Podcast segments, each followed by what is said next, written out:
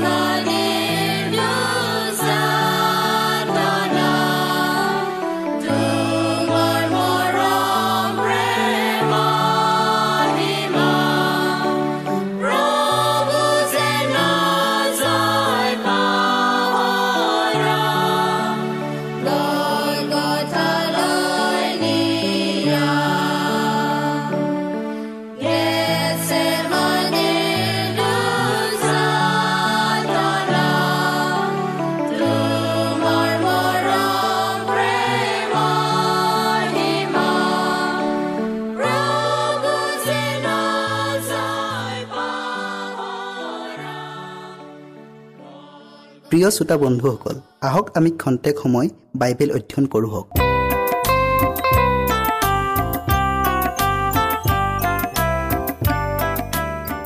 আজি আমি নকল সূচীকৰণৰ বিষয়ে অধ্যয়ন কৰোঁ হওক। বাইবেল পতি লোৱা হৈছে প্ৰথম জোহন দুই অধ্যায়ৰ চাৰি আৰু পাঁচ পদ। মই তেওঁক জানিলোঁ ইয়াকে বুলি যিকোনোৱে তেওঁৰ আজ্ঞাবোৰ পালন নকৰে তেওঁ মিছলীয়া আৰু তেওঁৰ অন্তৰত সত্য নাই। কিন্তু যিজনে তেওঁৰ বাক্য পালন কৰে তেওঁৰ অন্তৰৰ ঈশ্বৰৰ প্ৰেম স্বৰূপে সিদ্ধ হ'ল। তাৰ দ্বাৰাই আমি জানো যে তেওঁত আমি আছোঁ। আমি প্ৰাৰ্থনা কৰোঁ হওক। সেই সৰ্বশক্তিমান প্ৰভু পুনৰাই আজি তোমাৰ বাক্য শুনিবলৈ এই সুযোগ দিলা তাৰ বাবে তোমাক ধন্যবাদ জনাইছোঁ। প্ৰভু আমি অতি প্ৰয়োজনীয় নকল সূচীকৰণৰ বিষয়ে অধ্যয়ন কৰিবলৈ আগবঢ়াইছোঁ। তুমি আমাক জ্ঞান আৰু বুদ্ধি দিয়া। সকলো শ্ৰোতাৰ হৃদয় পবিত্ৰ আত্মাৰ যোগেদি স্পৰ্শ কৰি দিয়া। যীশুৰ নামত খুজিলোঁ। আমেন। ধৰ্মীয়ৰ জগতত এতিয়া সূচীকৰণৰ যিবোৰ উল্লেখনীয় কাৰ্য কৰা হৈছে সেইবোৰে আত্মা প্ৰশংসা কৰা আৰু ঈশ্বৰৰ বিধানক অৱজ্ঞা কৰা মন এটাৰহে জন্ম দিছে যিবোৰ বাইবেল ধৰ্মৰ সম্পূৰ্ণ অচিনাকি। ইয়াৰ শিক্ষকসকলে এইদৰে শিকায় যে সূচীকৰণ হৈছে মুহূৰ্ততে হৈ উঠা এটা কাৰ্য যিটোক মাত্ৰ বিশ্বাস কৰাৰ দ্বাৰাই পাব পাৰি। একো নকৰাকৈ মাত্ৰ বিশ্বাস কৰাৰ দ্বাৰাই সিহঁতে সম্পূৰ্ণ পবিত্ৰতা লাভ কৰিব পাৰে। তেওঁবিলাকে কয় মাত্ৰ বিশ্বাস মাতোন কৰা আৰু আশীৰ্বাদ ভাগি হবা। গ্ৰহণ কৰোতাজনে ইয়াতকৈ অধিক আৰু একো কৰিবলগীয়া নাই। একে সময়তে তেওঁবিলাকে ঈশ্বৰৰ বিধানৰ ক্ষমতাক অস্বীকাৰ কৰে আৰু জোৰ দি যুক্তি দৰ্শায় যে এতিয়া আৰু তেওঁবিলাক বিধান পালন কৰা দায়িত্বৰ পৰা মুক্ত হ'ল। অৰ্থাৎ তেওঁবিলাকৰ বাবে বিধান পালনৰ কোনো প্ৰয়োজনীয়তা আৰু নাই। কিন্তু যি বিধানে তেওঁৰ প্ৰকৃতি আৰু ইচ্ছাক প্ৰকাশ কৰে সেই বিধানৰ সংস্পৰ্শত নহাকৈ অথবা সেই বিধানৰ লগত মিলন নোহোৱাকৈ ঈশ্বৰৰ ইচ্ছা আৰু চৰিত্ৰৰ লগত সংগতি ৰাখি মানুহে পবিত্ৰ হোৱাটো অসম্ভৱ। এটা সহজ ধৰ্মৰ প্ৰতি থকা ইচ্ছাই যিটো ধৰ্মই কোনো কঠিনতা কোনো আত্মা বলিদান নিবিচাৰে যি ধৰ্মত জগতৰ মূৰ্খতাক ত্যাগ কৰাৰ প্ৰয়োজন নাই বিশ্বাসৰ মৌলিক তত্ত্বক বিকৃত কৰি মাত্ৰ বিশ্বাস শব্দত ৰাখিলে যিটো বৰ্তমান সকলোৰে প্ৰিয় তত্ত্বত পৰিণত হ'ল। কিন্তু এই বিষয়ত বাইবেলে কি কয়? পাচনি জাকুবে এইদৰে কৈছে হে মোৰ ভাইবিলাক কোনোৱে যদি কয় মোৰ বিশ্বাস আছে কিন্তু তেওঁৰ যদি কৰ্ম নাথাকে তেন্তে কি লাভ? সেই বিশ্বাসে তেওঁৰ পৰিত্ৰাণ কৰিব পাৰিবনে? হে নিৰ্বোধ মানুহ কৰ্মবিহীন বিশ্বাস যে মৰা তাক নাজানানে? এই গলগ্ৰহ স্বৰূপ কৰ্ম নথকা বিশ্বাসৰ তত্ত্ব ঈশ্বৰৰ বাক্যৰ সাক্ষৰ পৰিপন্থী যাৰ দ্বাৰা কৰোণাক প্ৰাপ্ত হ'ব পাৰি সেই মূল বিষয়টোকে বাদ দি স্বৰ্গৰ অনুগ্ৰহ লাভ কৰিব বিচৰাটো পৰ্বতৰ কাছ কণী বিচৰা নিচিনা। এয়া অলিক কল্পনা মাথোন। কাৰণ প্ৰকৃত বিশ্বাসৰ মূল ভেটি ঈশ্বৰৰ প্ৰতিজ্ঞা আৰু শাস্ত্ৰ বাক্যৰ ব্যৱস্থাৰ ওপৰত প্ৰতিষ্ঠিত। ঈশ্বৰৰ বিধানক ইচ্ছাকৃতভাৱে উলংঘন কৰিলেও পবিত্ৰ হ'ব পাৰিম বুলি বিশ্বাস কৰি কোনেও নিজকে নুভুলাওক। জানি বুজি কৰা পাপে পবিত্ৰ আত্মাৰ মাত বন্ধ কৰে আৰু সি ঈশ্বৰৰ পৰা পৃথক হৈ দূৰলৈ আঁতৰি যায়। মই তেওঁক জানিলোঁ ইয়াকে বুলি যিকোনোৱে তেওঁৰ আজ্ঞাবোৰ পালন নকৰে। তেওঁ মিছলীয়া আৰু তেওঁৰ অন্তৰত সত্যতা নাই। কিন্তু যিজনে তেওঁৰ বাক্য পালন কৰে তেওঁৰ অন্তৰত ঈশ্বৰৰ প্ৰেম স্বৰূপে সিদ্ধ হ'ল। গীতমালা এশ ঊনৈছৰ এশ চাৰি পদটো আমি চাওঁ হওক। তোমাৰ আধেবোৰৰ দ্বাৰাই মই জ্ঞান পাওঁ। এই নিমিত্তে মই সকলো মিছা পথ ঘীন কৰোঁ। এনে বহুতো অস্থিৰ মানুহ আছে যিসকলে অনুশাসন কোনো নীতি নিয়ম নামানে।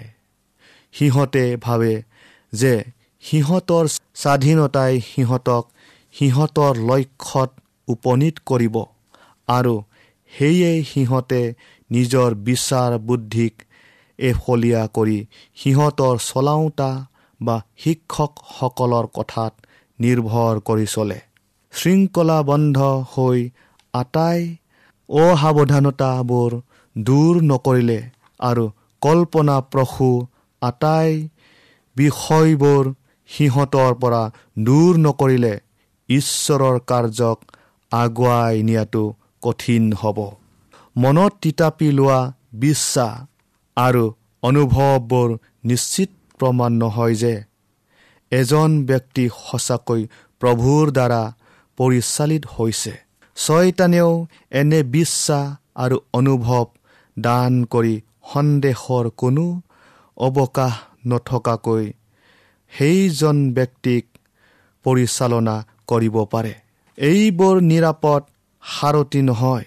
আমাৰ বিশ্বাসৰ প্ৰমাণবিলাকৰ লগত সকলোৱে ব্যক্তিগতভাৱে পৰ্যায়ক্ৰমে পৰিচিত হোৱা উচিত। আৰু তেওঁবিলাকৰ কামবোৰক কেনেকৈ আকৰ্ষণীয় কৰিব পাৰি আৰু ঈশ্বৰৰ গৌৰৱৰ বাবে কেনেকৈ ফল ধৰিব পাৰি তাৰ বাবে প্ৰত্যেকেই গভীৰ অধ্যয়ন কৰা উচিত। কিছু সময়ৰ বাবে সি এনে অনুভৱ কৰিছিল যে সি এটা নতুন পোহৰ লাভ কৰিছে। তাৰ বৰ টান নৰিয়া হৈছিল আৰু মৰু মৰু অৱস্থা হৈছিল। যেন অতি সোনকালে মৰিব। যিবিলাকক সি নিজে দেখা পোহৰৰ বিষয়ে কৈছিল বহুতে তাৰ কথাক আগ্ৰহেৰে শুনিছিল আৰু আন কিছুমানে সি দৰ্শন পাইছে বুলি ভাবিছিল। আন বহুতক তাৰ কথা তাৰ যুক্তিয়ে একো ক্ৰিয়া কৰিব নোৱাৰিলে। তাৰ বেমাৰে কোঠাতে সি শক্তিশালী ধৰ্মোপদেশ আগবঢ়ালে বুলি বহুতে মন্তব্যও দিলে। কিন্তু তাৰ এনে অনুপ্ৰেৰণাৰ উৎস কি আছিল? এয়া তাৰ বিষ উপশমৰ বাবে তাক খাবলৈ দিয়া আপিংহে প্ৰতিক্ৰিয়া আছিল।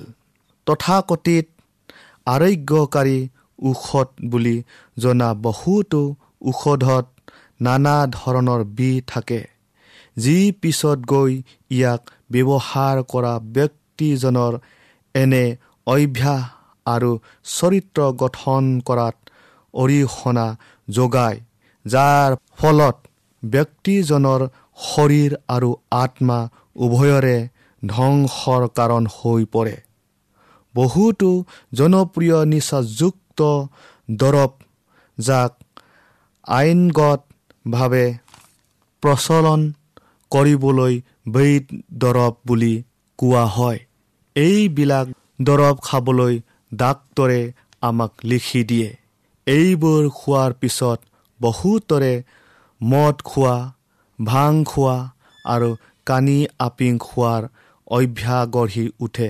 যিবোৰক সমাজৰ অভিশাপ বুলি স্বীকৃত প্ৰিয় শ্ৰোতা বন্ধুসকল পবিত্ৰতা লাভ কৰা বুলি যিসকলে দাবী কৰে তেওঁবিলাকে যদি কিছুমান বিশেষ কল্পনাপ্ৰসূ বিষয়ৰ ওপৰত নিৰ্ভৰ কৰি চলে আৰু পবিত্ৰ শাস্ত্ৰ তন্ন তন্নকৈ চোৱাৰ দৰকাৰ নাই বুলি প্ৰচাৰ কৰে।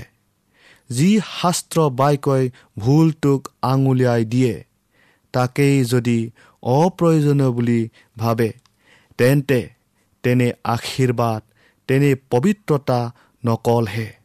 কাৰণ এনে পবিত্ৰতাৰ অধিকাৰীজন নিজৰ অপবিত্ৰ আৱেগ অনুভূতি আৰু কুকল্পনাৰ দ্বাৰা পৰিচালিত আৰু সিহঁতৰ কাৰণে তেওঁৰ বাক্যত অৰ্থাৎ পবিত্ৰ শাস্ত্ৰত ঈশ্বৰৰ মাত নুশুনে আনকো শুনিবলৈ বাধা দিয়ে।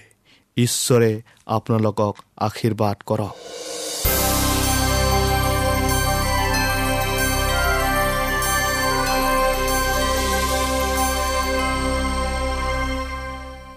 আজি আমি জাগি উঠাৰ উপযুক্ত সময়ৰ বিষয়ে অধ্যয়ন কৰোঁ হওক। বাইবেল প্ৰতি লোৱা হৈছে ৰমিঅ' তেৰ অধ্যায়ৰ এঘাৰ আৰু বাৰ পথ তাতে বাজে তোমালোকে এই কাল জানা যে এতিয়াই টোপনিৰ পৰা সাৰ পাবৰ সময় হ'ল। কিয়নো যেতিয়া আমি বিশ্বাস কৰিলোঁ তেতিয়াতকৈ এতিয়া পৰিত্ৰাণ আমাৰ ওচৰ হ'ল। ৰাতিৰ অধিক ভাগ গ'ল দিন ওচৰ চাপিল। এইকাৰণে আহা আন্ধাৰৰ কৰ্ম এৰি থৈ পোহৰৰ সাজ পিন্ধো হওক। আমি প্ৰাৰ্থনা কৰি লওঁ হওক। সেই সৰ্বশক্তিমান প্ৰভু পুনৰাই আজি তোমাৰ বাক্য শুনিবলৈ এই সুযোগ দিলা। তাৰ বাবে তোমাক ধন্যবাদ জনাইছোঁ। প্ৰভু আমি আজি জাগি উঠাৰ উপযুক্ত সময়ৰ বিষয়ে অধ্যয়ন কৰিবলৈ আগবঢ়াইছোঁ। সেই বিষয়টিলৈ জানিবলৈ প্ৰত্যেক শ্ৰোতাৰ লগত তুমি থাকা আৰু তেওঁলোকক জ্ঞান আৰু বুদ্ধি দিয়া আৰু পবিত্ৰ আত্মাৰ যোগেদি তেওঁলোকৰ হৃদয় স্পৰ্শ কৰি দিয়া। যীশুৰ নামত খুজিলোঁ। আমেন। মহাবিবাদৰ অন্ত হোৱাৰ সময় ওচৰ চাপিল। জল বা স্থলত সংঘটিত হৈ থকা নানা প্ৰকাৰৰ দুৰ্যোগবোৰে এইটো সাক্ষ্য দিছে যে সকলোৰে শেষ ওচৰ চাপিছে। যুদ্ধ আৰু যুদ্ধৰ বাতৰিয়ে শেষ যুগ ওচৰ চপা কথাকে কয়। আমাৰ সন্মুখত আহি থকা ভয়ংকৰ ঘটনাবোৰৰ বিষয়ে চিন্তা কৰি বুকুৰ ধপ ধপনি নবঢ়া কোনোবা খ্ৰীষ্টান আছেনে বাৰু? প্ৰভু আহি আছে। ঈশ্বৰ ওচৰ চাপি অহাৰ খোজৰ শব্দ আমি শুনিবলৈ পাইছোঁ। খ্ৰীষ্টৰ আগমনৰ দিন যে অতি ওচৰ চাপি আহিছে এই বিষয়ে যি জ্ঞান পালোঁ এই জ্ঞানক আমি পাহৰি পেলোৱা উচিত নহয়। আৰু এই অতি গুৰুত্বপূৰ্ণ বিষয়টোৰ প্ৰতি আমি অসাৱধান আৰু অমনোযোগী হোৱা অনুচিত। নহ'লে টোপনিত লাল কাল গৈ অনুভূতিহীন হৈ আৰু মূল লক্ষ্যৰ পৰা আঁতৰি গৈ অন্ধতাত ডুব যাব লাগিব।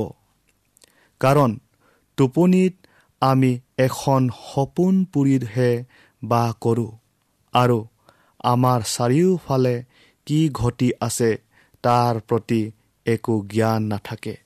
এনে বহুতো লোক আছে যিসকলৰ চাৰিওফালে সত্যতাৰ পোহৰে অতি উজ্জ্বলতাৰে পোহৰ দি থকা স্বত্তেও এতিয়াও তাৰ প্ৰতি তেওঁবিলাকৰ অনুভূতি জাগি উঠা নাই। তেওঁবিলাকে মহাশত্ৰুজনৰ দ্বাৰা মন্ত্ৰযুক্ত হৈ তাৰ যাদু কৰি শক্তিৰ প্ৰভাৱত তন্দ্ৰা লাগি কাণ্ড জ্ঞানহীন হৈ থাকে। আমাৰ জগতত আহিবলগীয়া সেই মহাদিনটোৰ বাবে তেওঁবিলাকে সাজু হোৱা নাই। ধৰ্মীয় সত্যতাৰ প্ৰতি যেন তেওঁবিলাক একেবাৰে নিষ্ক্ৰিয়। টোপনিৰ পৰা সাৰ পাই উঠা কেইজনমান যুৱক যুৱতী বাৰু পোৱা নাযাবনে?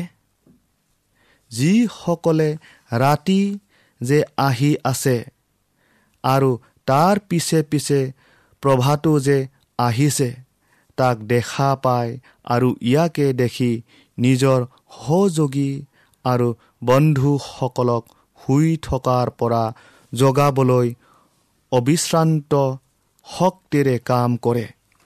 যিসকলে নিজৰ সহযোগী বন্ধুসকলৰ সৰ্বনাশ অনুভৱ কৰিব পাৰে তেওঁবিলাকৰ বাবে প্ৰাৰ্থনা কৰে আৰু খ্ৰীষ্ট যে অতি সোনকালে আহি আছে তাক নিজৰ জীৱন আৰু চৰিত্ৰৰ দ্বাৰাই দেখুৱাব পাৰে। আমাৰ আৰু অনন্ত জীৱনৰ মাজত থকা যি ব্যৱধান সেয়া অতি দ্ৰুত গতিত কমি অহা ঘটনাটোৱে আমাৰ ওপৰত অধিক দকৈ সাজ বহোৱা উচিত। প্ৰতি কোচ অনন্ত জীৱনৰ কাষ চাপি চোৱাৰ লগে লগে আমাৰ চৰিত্ৰ সিদ্ধ কৰি লোৱাৰ কামবোৰো সম্পূৰ্ণ কৰি গৈ থাকিব লাগিব। প্ৰিয় শ্ৰোতা বন্ধুসকল মানুহে যিমান দেৰিলৈকে শুই থাকিব সিমান সময়লৈকে তেওঁবিলাকে নিজৰ অমূল্য সময়বোৰ তেওঁবিলাকৰ ভাষাৰে প্ৰকাশ কৰিব নোৱাৰা অসাৱধানতা আৰু কাম কেয়ালি স্বভাৱৰ বাবে খৰচ কৰি থাকিব। যিসকলে প্ৰভুৰ বাক্যৰ সত্যতাক বিশ্বাস কৰে তেওঁবিলাক পৰিশ্ৰমী জাগি থকা আৰু বিনম্ৰ আৰু শান্ত ধীৰস্থিৰ আৰু প্ৰাৰ্থনাত লাগি থকা লোক হ'ব লাগিব। দ্বিতীয় কৰিন্থিয় ছয় অধ্যায়ৰ দুই পদটো আমি আকৌ পঢ়ো হওক। মই গ্ৰাহ্য কালত তোমাৰ প্ৰাৰ্থনা শুনিলোঁ আৰু পৰিত্ৰাণৰ দিনা তোমাৰ উপকাৰ কৰিলোঁ। চোৱা এতিয়া পৰম গ্ৰাহ্য কাল চোৱা এতিয়া পৰিত্ৰাণৰ দিন। কৃষ্ট যে অতি সোনকালে আহি আছে তাক আমি নিন্দেহে বিশ্বাস কৰোঁ। ই আমাৰ বাবে মনে সজা কাহিনী নহয় ই নিৰ্ঘাত সত্য। এই বিষয়ত আমাৰ কোনো সন্দেহ নাই। সন্দেহ নাছিল সেই তত্ত্বৰ ওপৰত যি তত্ত্বক আমি ইমান বছৰে শিকি আহিছোঁ আৰু যি সত্যতাক আজি ধৰি ৰাখিছোঁ তাক আমি এই তত্ত্বৰ পৰাই পাইছোঁ আৰু আমি যে শেষ বিচাৰৰ কাষ চাপি গৈ আছোঁ তাকো আমি সন্দেহ নকৰোঁ। আমি সেইজনাক আদৰিবলৈ সাজু হৈ আছোঁ যিজনাই বিশ্বাসীসকলক পুৰস্কাৰ দিবলৈ মেঘৰথেৰে অসংখ্য স্বৰ্গদূতসকলক লগত জগতলৈ নামি আহিব। আৰু আমাক অমৰতাৰ কিৰিটিৰে অলংকৃত কৰিব। যেতিয়া তেওঁ আহিব তেতিয়া তেওঁ আমাক আমাৰ পাপৰ পৰা সূচী নকৰে। আমাৰ স্বভাৱ চৰিত্ৰত থকা ভুল ক্ৰুটিবোৰকো আঁতৰাই নিদিয়ে।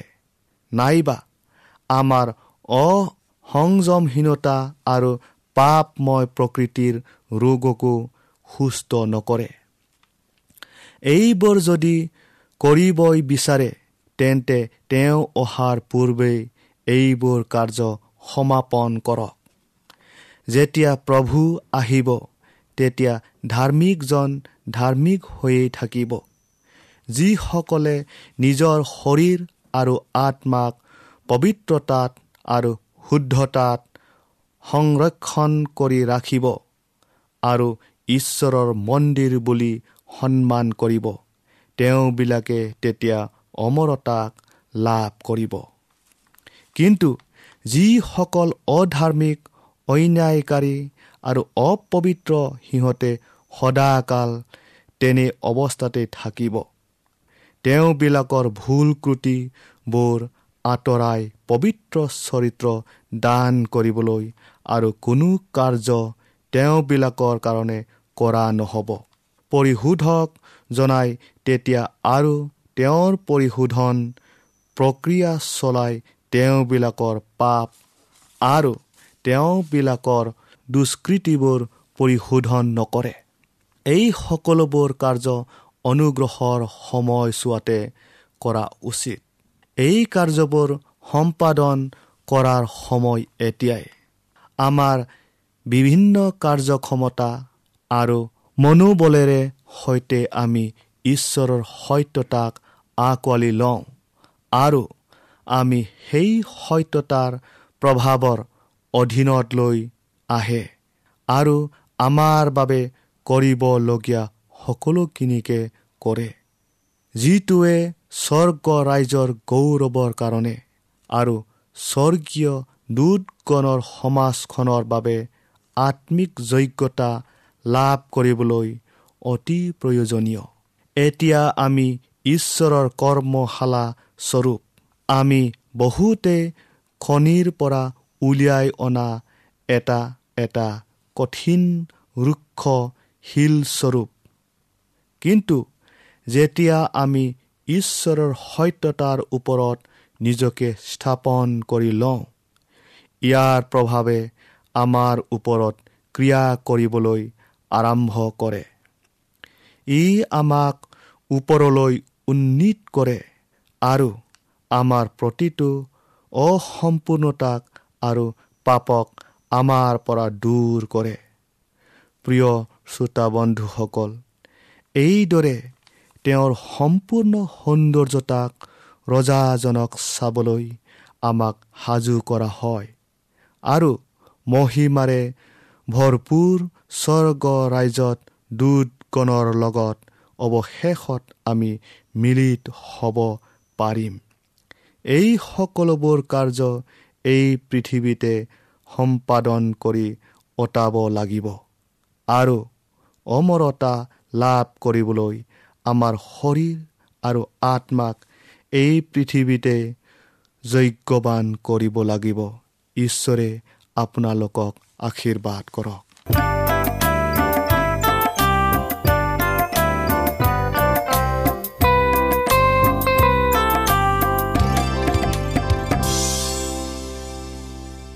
মনত ৰাখিব আমাৰ ঠিকনাটি পুনৰ কৈ দিছোঁ। Adventist World Radio' Assam region of Seven Day Adventist Voice of Hope Lotakata Basistha Guwahati seven eight one zero' two nine প্ৰিয় শ্ৰোতা বন্ধুসকল এডভেণ্টিজ ৱৰ্ল্ড ৰেডিঅ' যোগে আহাৰবাণী প্ৰচাৰত আপোনালোকক পুনৰ লগ পোৱাৰ আহাৰে আজিলৈ সামৰিলোঁ। ধন্যবাদ।